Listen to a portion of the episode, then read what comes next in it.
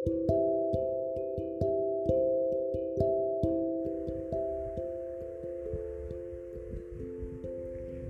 aku benar-benar melepaskan genggamanku, aku merasa bebas.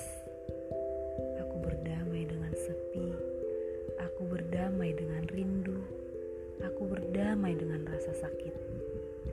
Kini kita kembali tanpa menarik tidak putus dan tanpa mengulur agar tidak lepas.